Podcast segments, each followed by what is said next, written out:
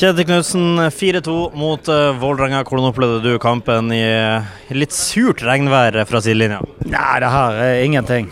Nå må dere gi dere. Det her uh, var perfekte forhold, i hvert fall hvis du spør meg. Så nei. En kamp som bølger veldig. Vi tar kontroll. Vi klarer å slippe inn en dødball. Vi kommer tilbake igjen, leder til pause. Veldig fortjent, syns jeg mot et Vålerenga-lag som er i utvikling. ved en ny formasjon, en ny spillestil som begynner å sette seg. Truffet bra på eh, en del signeringer som de har gjort. Eh, så det laget tror jeg kommer til å klare seg veldig bra. De, det må jeg si. Og så syns jeg vi er ganske friske i andre omgang når vi får 3-1. Men igjen så klarer vi å slippe inn dødballmål, som gjør at vi blir litt stresset og litt litt engstelig. Eh, og da er det en del ting vi kan være bedre på i presspillet vårt òg. Eh, men heldigvis så får vi eh, kontringer som gjør at vi får 4-2. og det syns jeg er en sterk prestasjon av oss med det bakteppet med at vi var på en gjørmebane på, på, torsdag mange tusen kilometer unna her. Så det er vi De skal få ros for det, gutta i dag. Og så må vi jo selvfølgelig prate litt om, uh, om mannen som eh, nærmest vinner fotballkampen her på egen hånd. Etter, eh, etter to kamper på, på rad hvor han mest sannsynlig ikke er helt fornøyd med egen prestasjon, verken mot Rosenborg eller mot Lugano. Så kommer han på banen her i dag og, og skårer fire mål.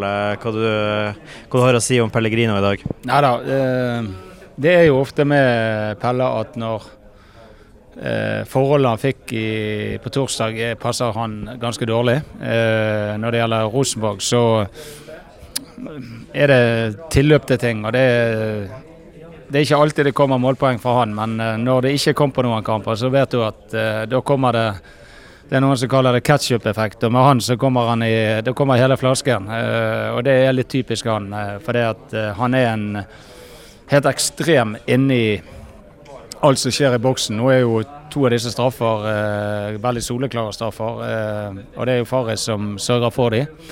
Eh, og så er hvordan han beveger seg i boksen på det tredje, og ikke minst eh, der han aller, aller best eh, når han får eh, løpe inn bak Forsvaret. Så det er jo en det er en uh, Pellegrino-meny, vil jeg kalle de fire målene. Og, ja, siste der på overtid, som du er inne på, når du ser han når han springer fra midtbanen her, hvor tidlig skjønner du at det her blir skåring? For du, som du var inne på, det var spesielt. Det, han skal nå gjøre det, og det har blitt bommet før. Men når jeg ser han er lur nok til å rønne keeper, da eh, det var, det var forløsende.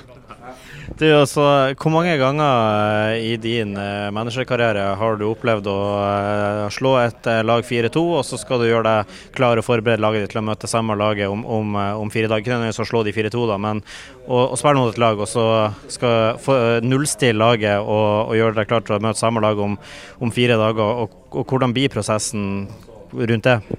Jeg sparer litt tid, da, for det, vi kan ta en analyse der det er Glimt mot Vålerenga. Eh, en ny eh, Vålerenga-utgave. Så det som de hadde fra forrige kamp, det kunne du bare kaste i bosset. Så det er én fordel, og så er det likt for begge lag. Eh, og så bytter vi bane. Eh, så det er nå bare sånn det er av og til. Og det, den utfordringen tror jeg vi skal ta eh, på strak arm.